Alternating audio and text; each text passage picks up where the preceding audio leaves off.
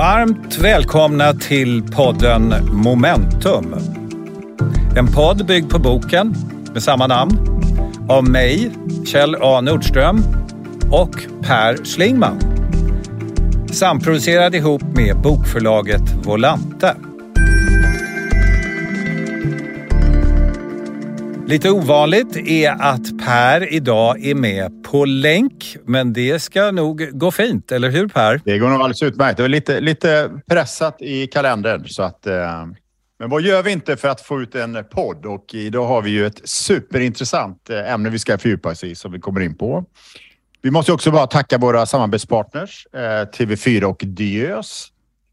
Och eh, det är väl lika bra vi kastar oss in på Mikro, vårt segment där vi gör varsin liten spaning, eh, spelar upp ett litet ljudklipp och funderar på vad vi kan dra för slutsats av det.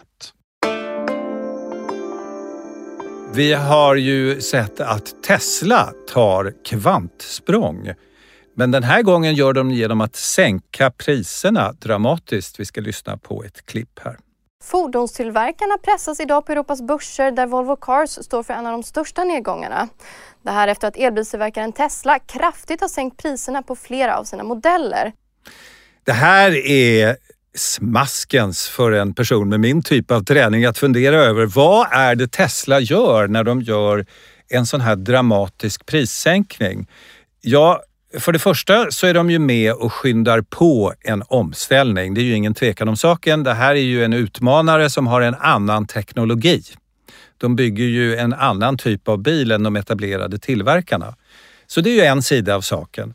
Men det andra, och det här har vi sett exempel på förut i historien, är att om man har riktigt stort självförtroende som företag och om man vet att vi har en teknologi och en produktionsprocess som kommer att trycka ner kostnaderna nästa år och året därpå så kan man sänka priserna redan nu och tillverka ett helvete för konkurrenterna som ju jobbar med gammal teknologi, andra produktionsprocesser och därmed ta jättestor marknadsandel. Det är intressant att se det här spelet och hur det nu är med och skyndar på klimatomställningen i den här branschen. Mm. Du, du, säger att det är, det är smaskens för någon med din träning. Då måste jag säga att det är faktiskt även smaskens för någon med min träning. Eh, om man tänker sig att, att eh, kommunikation eh, och det offentliga samtalet och så där är min träning. Det, det som Tesla gör, det är ju å ena sidan så är det ju att de flyttar fram positionen för att ta ledarskap när det gäller elektrifieringen av fordons och bilindustrin.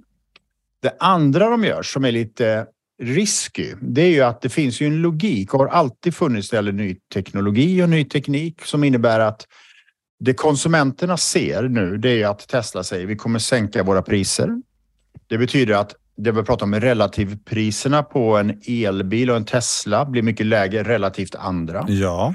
Men det som är lite risky här då, det är ju att konsumenten kan tänka sig okej, okay, nu sänker de 100-150. Kommer det ytterligare någon prissänkning?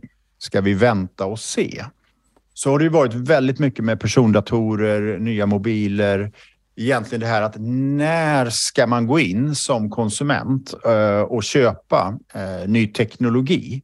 Därför att det vi vet är ju att det är ganska dyrt i början och sen så blir det ju naturligt billigare efter ett tag. Konkurrensen ökar, styckkostnader blir billigare när, när liksom volymerna ökar och så vidare. Så att jag tror att det är också viktigt för Tesla att verkligen göra det här kraftfullt och säga att det här är ett sätt för att ta ytterligare ett stort kliv och det är det här vad som konsumenterna har att förvänta sig och inte att konsumenterna kanske väntar ytterligare ett år för att se kommer ytterligare prissänkningar. Det blir en avvägning naturligtvis om man sitter i styrelserummet på Tesla mellan det du beskriver, nämligen att man kan mm. locka in konsumenterna i det här väntbeteendet. Å andra sidan så finns det någonting som inom ekonomi kallas first mover advantage, översatt till svenska, att den som kommer först får en enorm fördel. Och det handlar om att komma först hela tiden. Och sen så är det mycket svårare för utmanarna att komma ikapp naturligtvis. Mm, absolut, och jag tänker också att nu är det ju så att det är fortfarande elektrifieringen i sig mycket som är konkurrensfördelen och konkurrensfaktorn över tid så kommer ju elektrifiering vara självklart eh, eller i alla fall bränslen som är fossilfria och då blir det andra saker som differentierar. Ja. Eh, och det tror jag också är någonting att, att också tänka på. Men jag tänker också att det som ju påverkar huruvida konsumenterna hamnar i ett väntläge eller inte, det är ju hur, hur svarar då Volvo Cars och Lynx och andra på detta? Kommer de också börja trycka ner sina sina priser. Rimligen är det så. Ja, men... Det skulle kunna driva Tesla till att ännu hårdare trycka på. Vi vet ju inte hur Teslas kostnadssituation ser ut och vi vet ju heller inte om de andra så att säga har råd att följa med i det här. Nej, och om man tar, de flesta bolagen är ju noterade så att det kan man ju se vilka kasser och förutsättningar de har. De skulle egentligen behöva sannolikt res, resa ytterligare kapital för att på allvar möta det här. Och det är klart att det kanske inte det nuvarande läget eh, ekonomiskt är det bästa. Att resa kapital med syfte att sänka priserna. Det är en ganska hårt kastad handske. Så även jag har ju eh, ett litet eh, ljudklipp som är, kan man säga, lite en annan karaktär. Jag ger mig in lite grann i litteraturens värld. Härligt. Jag fick lära mig varje detalj från grunden. Vad man har på sig, hur man använder skrivaren och kopieringsapparaten, hur man interagerar med kollegor, att man refererar till dem som kollegor och inte som arbetskamrater eller jobbarkompisar. Och hur man navigerar kring de hierarkier som alldeles uppenbart existerar. Samtidigt som man förväntas ta varje chans att visa sin självständighet och initiativrikedom. Det här är eh, ett ljudklipp precis i början av boken Andromeda av Therese Boman. Och först vill jag bara verkligen rekommendera alla som lyssnar att läsa eller lyssna på den här boken. Den är, den är alldeles fantastisk. Den är otroligt, otroligt vacker. Men det här lilla ljudklippet då, den beskriver den unga kvinnliga romankaraktären eh, som börjar som praktikant på ett förlag. Och vad hon beskriver är ett väldigt traditionstyngt förlag.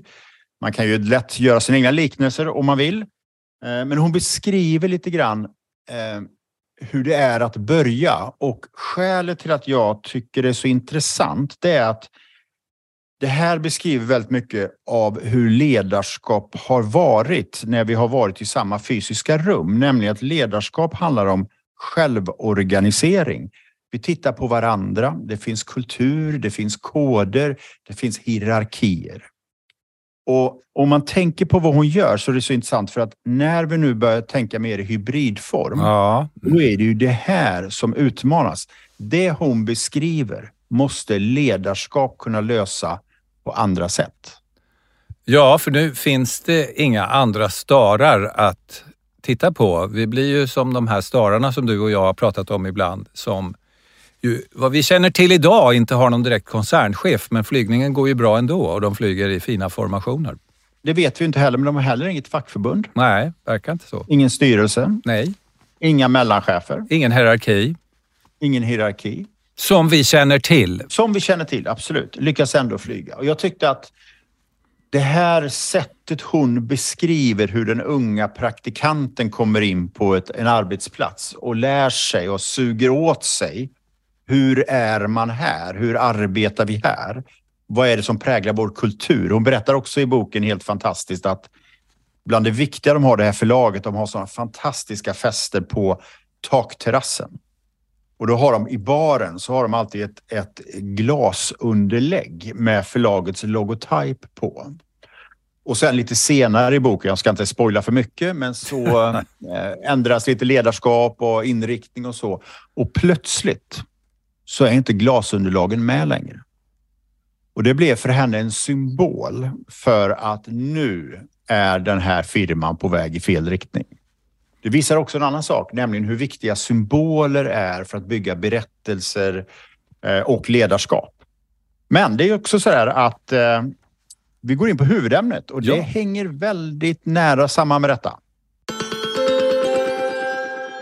Och nu ska vi prata om ledare. Och vi pratar ju ofta om våra ledare. Politiska ledare, militära ledare, företagsledare. Vi, får man väl säga, många av oss är ju ledare också. har ju en väldigt stor påverkan på det liv och det samhälle vi lever. Ofta väldigt stor påverkan. Och vad vi tänkte göra idag är att vi ska fördjupa oss lite grann i människor som leder företag. Och jag tycker att det är väldigt spännande. Vi skriver ju lite om detta i våra bok som ja. har samma namn som podden, Momentum. Nämligen hur vi över tiden har sett att eh, vi har lockat in och eh, rekryterat människor med olika typer av kompetenser. Och jag skulle säga att det hamnar nog på topp fem när det gäller vad människor vill prata om som har läst vår bok. Det har väckt väldigt mycket intresse. Om det är så, och det är ju vår hypotes som vi snart ska komma in på, ser ett stort skifte just nu. Men trots då att ledarskap och ledare, eh, som mycket annat, exempelvis kärlek, är väldigt svårforskat, så kan man hitta, och det är väl det vi försöker göra och har skrivit om och ska fördjupa oss lite grann, hitta väldigt intressanta spår om vi då studerar vilka som har suttit vid ratten. Och nu Kjell tänkte jag att eh, du skulle få göra en liten exposé över svenska företagsledare från 1800-talet. Så till alla er som lyssnar, håll i er nu. Ja, det är dags att rulla in tidsmaskinen igen. Precis. Och normalt sett brukar vi ju använda den för att resa in i framtiden du och jag. Åtminstone har vi provat på det några gånger. Men nu ska vi alltså göra exakt tvärtom. Vi ska kliva in i tidsmaskinen och gå 100 till 150 år tillbaka i tiden här i Sverige. Moder Svea vårt fina konungarike är ju en riktig klassresenär och det har ju avhandlats i andra poddar och böcker över åren. Vi går ju från att vara ett av Europas allra fattigaste länder där på 1800-talet till att hundra år senare ungefär vara ett av världens tre rikaste länder. Det är i början på 70-talet som vi står där på toppen och vibrerar tillsammans med Schweiz och USA. Och då har vi verkligen krönt den där hundraåriga klassresan. Vägen dit är också väl dokumenterad. Det är ett antal företag och framgångsrika företag som bär upp den här klassresan. De grundas under vägen och de skapar enormt värde som är med och bygger upp vårt välfärdssamhälle. Det som är roligt med vårt land och som upprepar sig på många områden är den ordning och reda som vi ofta har. Det vill säga, vi vet ganska väl vilka det var som ledde de här företagen. Det finns helt enkelt dokumenterat. Bra forskare ska vara lata och smarta. Det tycker jag man har sett över åren. Den där kombinationen är ganska kraftfull. Det vill säga, man lär sig helt enkelt utifrån det faktum att man är lat att utnyttja befintliga data på ett smart sätt. Istället för att springa omkring och försöka skapa nya data så använder man sånt som är befintligt och försöker hitta ett mönster i det. Och börjar man då titta på vilka det är som faktiskt ledde de här företagen som är med och bär upp Sverige under de här kritiska åren så hittar man roliga mönster och jag tänkte vi skulle titta på dem och försöka sen generera en hypotes om vad händer i nästa steg. Första generationen av svenska ledare i våra företag har ofta en militär eller juridisk bakgrund. Det kanske inte är så konstigt. Aktiebolaget är ett nytt fenomen. Det är ju ett så att säga påhitt, ett juridiskt påhitt som kommer 1848 det behövs helt enkelt en, en, en specialist, någon som har juridisk träning för att leda den här nya enheten som är ett påhitt som inte ännu är allmänt bekant.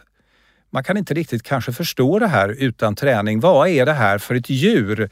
Det är ju någonting som är konstruerat för att man ska kunna dela risk å ena sidan och å andra sidan att man inte ska behöva ta all risk själv utan risken ligger på den här påhittade juridiska personen.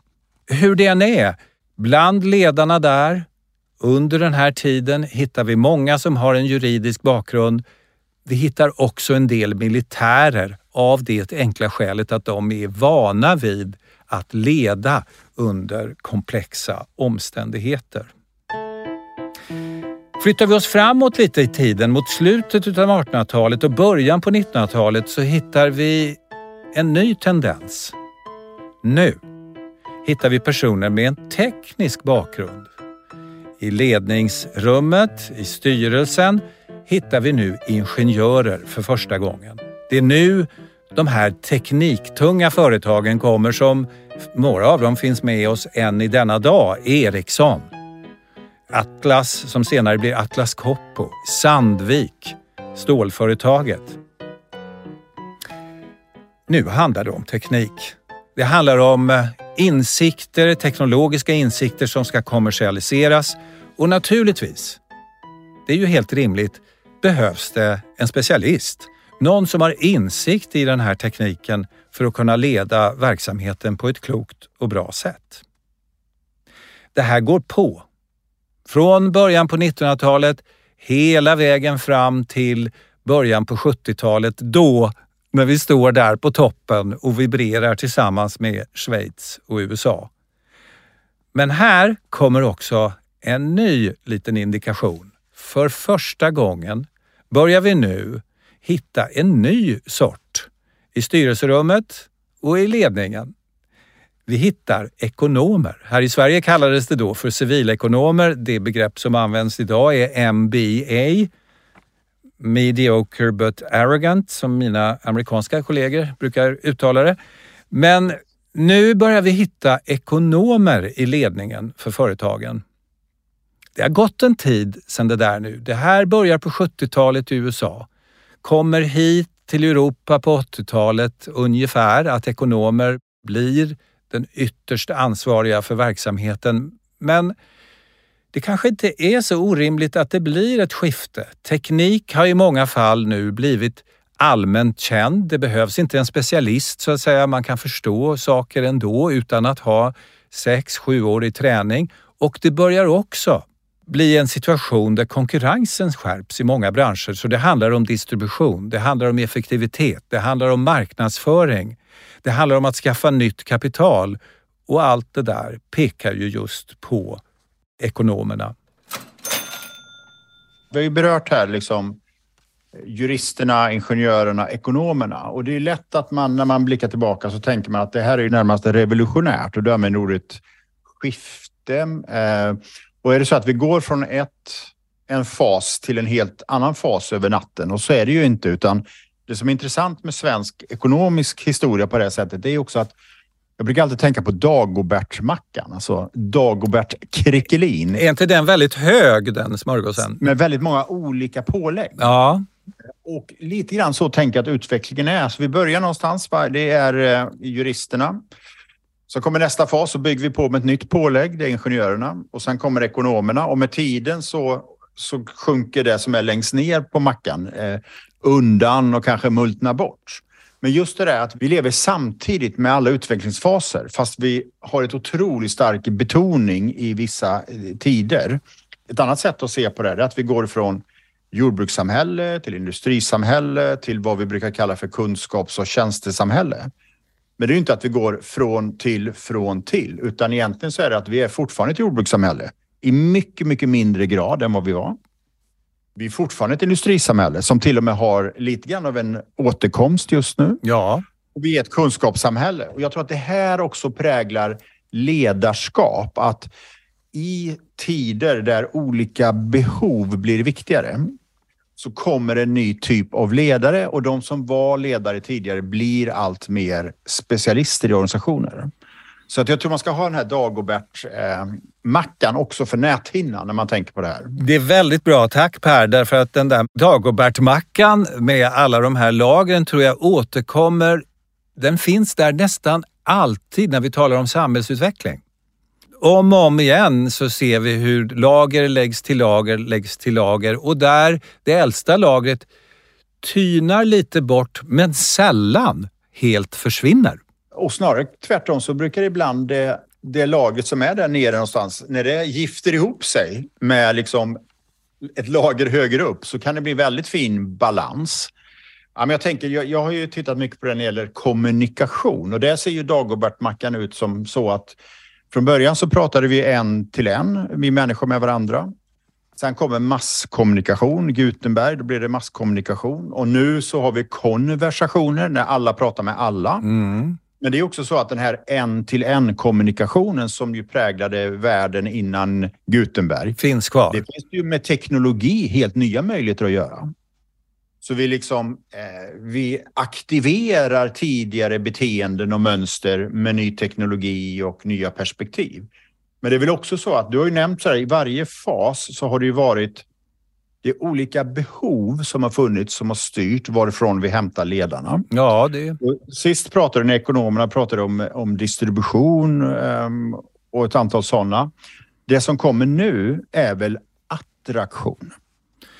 Attraktion och komplexitet i den meningen att Ja, det handlade om teknik under en lång period och att man måste förstå den teknologi man arbetar med och den är inte allmän ännu utan det är några få som känner till den här teknologin. Precis på samma sätt som aktiebolaget var nytt där i början och några få förstod sig på den där nya fiffiga enheten som kunde avlasta risk från individen.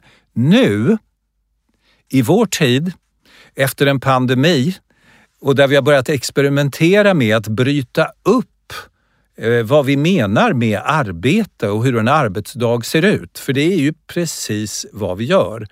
Vi har ju helt enkelt börjat säga att ja, men arbete utförs kanske inte längre på en given plats mellan åtta och fem, utan det kan utföras någon annanstans i rummet och på andra tider. Och nu finns det ju inga andra starar att titta på helt plötsligt. Stora delar av tiden är, kommer vi då att operera själva eller i mindre grupper. Precis som det här fina citatet från Andromeda som du mm. gav oss i början. Det vill säga, det här är ju en enorm utmaning för den som ska leda verksamheten att fylla det här, låt oss kalla det tomrummet, för ett slags tomrum är ju vad det blir. Den sista fasen du nämnde var egentligen ekonomerna. Eh, riv pyramiderna och SAS eh, Karlsson. Ja. Reste runt världen, frälste världen. Jag vill minnas att, att du själv var med och skrev en bok som heter Funky Business. Det stämmer. Eh, som inte var helt oskyldig heller i den eran. eh, men den hade ju också mycket fokus på digitalisering. Men vad skulle du säga att vad är det för möjligt skifte vi ser nu? Vart är vi möjligtvis på väg nu? Ja, det första som kommer till mig när du frågar är att i många branscher börjar det påminna om sportens värld. Det är så små marginaler, både när det gäller kostnader eller tid att få ut en produkt snabbt på marknaden och etablera sig. Att eh, i, inom sport så är man ju van vid att tala om hundradelar och, och ett antal sekunder. Och det där har inom sportens värld, det började för flera decennier sedan vad jag förstår, lett till att individen och hur motiverad den är har satts i centrum för träningen många gånger. Det handlar helt enkelt om psykologisk träning. Eh, det som en engelsk forskare har kallat What makes people mad, sad and glad. De tre viktiga dimensionerna, eh, psykologiska dimensionerna. Det här ser vi ju nu hända ute i företag också. Det vill säga, vi kommer att få ett helt annat fokus på hur vi leder, styr och utvecklar individerna i systemet. Tidigare har vi pratat ganska mycket och det funnits den här bilden av den ensamma starka ledaren. Ja. Nu handlar det mycket mer om laget. Ja, och att få laget att fungera trots att laget ibland är utspritt. Inte alltid, men ibland är man skilda från varandra långa tidevarv. Det hybrida sättet att arbeta. Det vill säga, det är en ny utmaning. Ungefär som när den där vågen av teknik sköljde över Europa och Sverige. Ja, då kom ett svar i den meningen att det blev ingenjörerna som trädde fram och ledde verksamheten. Nu sköljer en våg av nya sätt att arbeta fram. Vi ska arbeta i grupp men samtidigt periodvis skilda åt och hur håller man ihop och motiverar en sån flock? Mm. Och vi har, ju, vi har ju en preliminär idé. Mm. Och det finns ju Max Weber som ju var en tysk eh, sociolog. ja.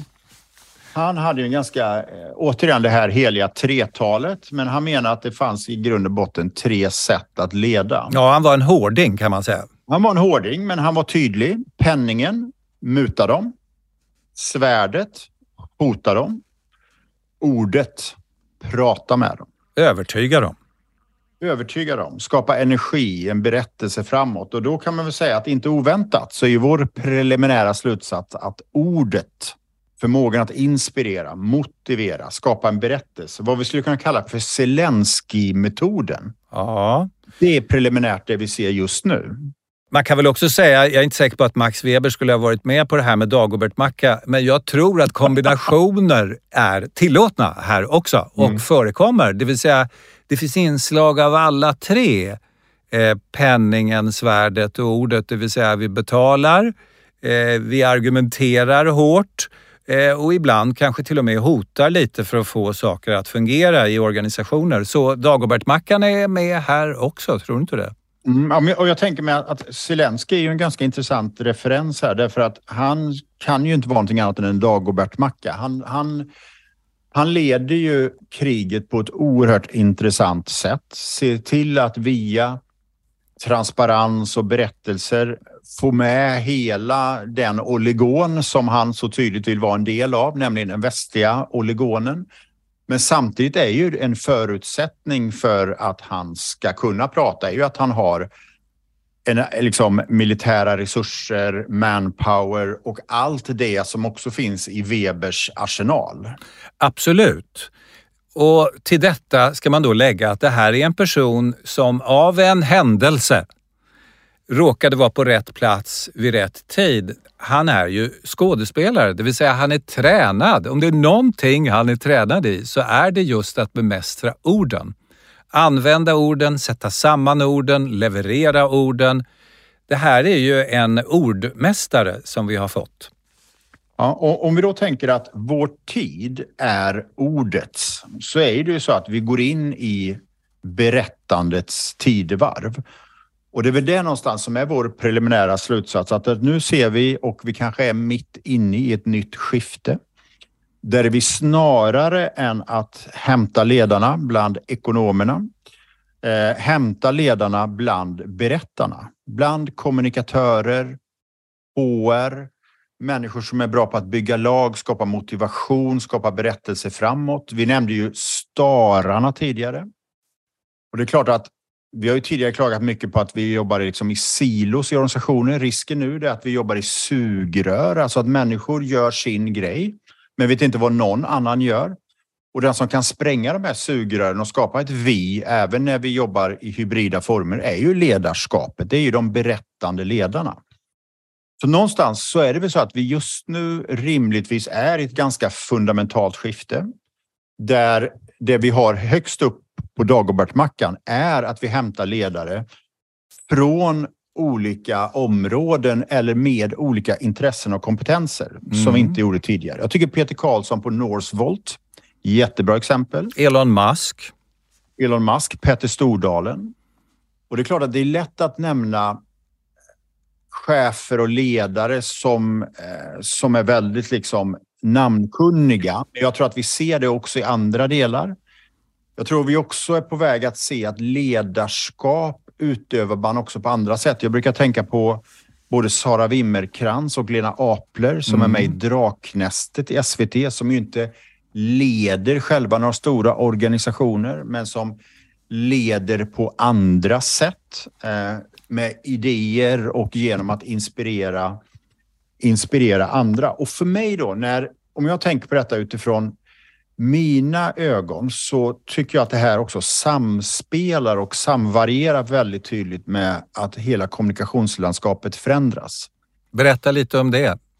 Ja, men jag tänker så här, när vi, i en tid av masskommunikation mm. som byggde på logiken att en sändare, oftast den med störst budget, kunde nå väldigt mycket resultat. Från centrum till periferi så att säga. Ja, men absolut. Från centrum till periferi. Ledningen har ett informationsförsprång och så vidare. Ganska logiskt att ekonomerna har ett stort inflytande. Eh, de som har lite ålder kanske som lyssnar på det kommer ihåg diskussionen om tvättmedelsreklam som vi klagade väldigt mycket på. Det var bara, bara, bara, bara tvättmedelsreklam. Det fanns två, tre aktörer. Eh, och det handlar egentligen bara om en sak. Ju mer pengar du pumpar in i systemet, desto mer obsvärde, desto mer säljer du. Ös på bara. Det fanns på tvättmedel, det fanns på blöjor. Sen kom spelbranschen som bara liksom våldsamt investerade. Sen hände det någonting, framförallt när eh, masskommunikation hamnade längre ner i Dagobert-mackan och vi fick konversationer när många kan kommunicera med många. Och när vi märkte att det är de som har bäst förmåga att berätta. Det påverkade reklamens utfall. Eh, ICA-familjen, eh, ICA-reklamen, Telia-familjen. Vi började skapa berättelser och vi började få personer som genom sitt berättande eh, förändrade kultur och skapade stora affärsframgångar. Där är ju Petter Stordalen ett jätteintressant exempel. Mm. Är du så att om du är kommunalråd i en mindre svensk kommun och får välja mellan att nu ska vi bygga ett hotell i vår stad då vill man ju mycket, mycket hellre att Petter kommer dit, flyger ner med helikopter, skänker lite stjärnglans och delar av sin berättelse än att det blir liksom ett hotell som består av hotellrum och en lobby.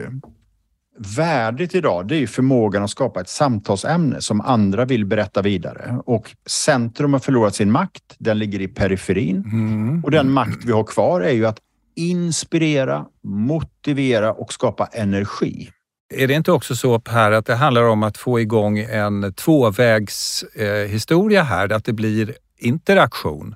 Det är inte bara att sända, sända, sända, utan också ta emot.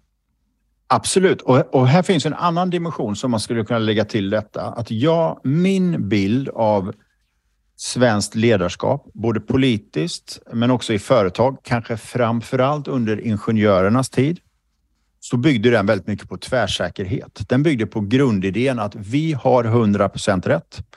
Alla våra konkurrenter har 100% fel. Eh, när jag började jobba i politiken med förnyelsen av Moderaterna så var det kanske det första vi gjorde. Vi ställde oss frågan, det kanske är så att det inte är fel på väljarna.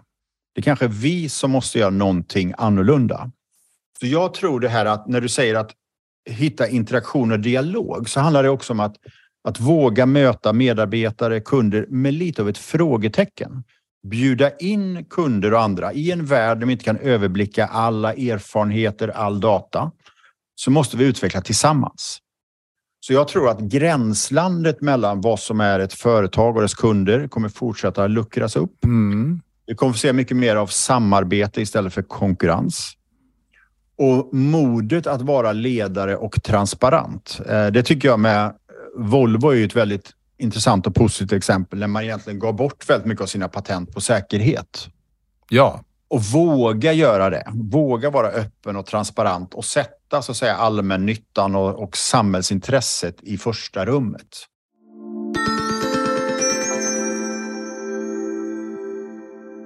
vår hypotes är ju då att, att ledarskapet nu befinner sig i ett skifte. Nu kommer berättarna, människor som tycker om andra människor och bygga lag, skapa engagemang, empati, kindness har vi tidigare pratat om.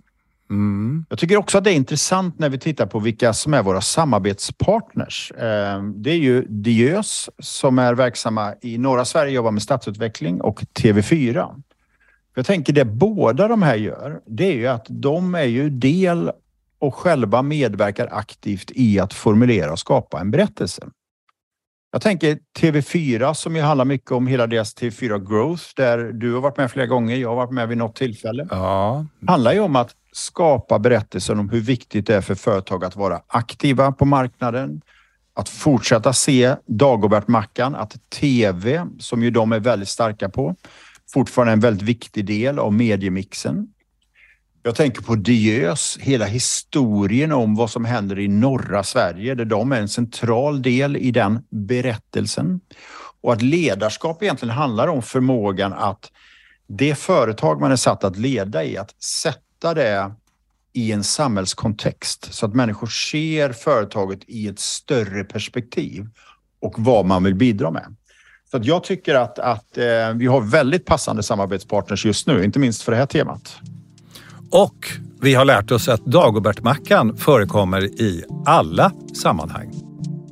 Och det kanske får bli vårt slutord den här gången. Och ni har lyssnat på podden Momentum av Kjell A Nordström och mig Per Slingman och vi gör den i samarbete med Volante.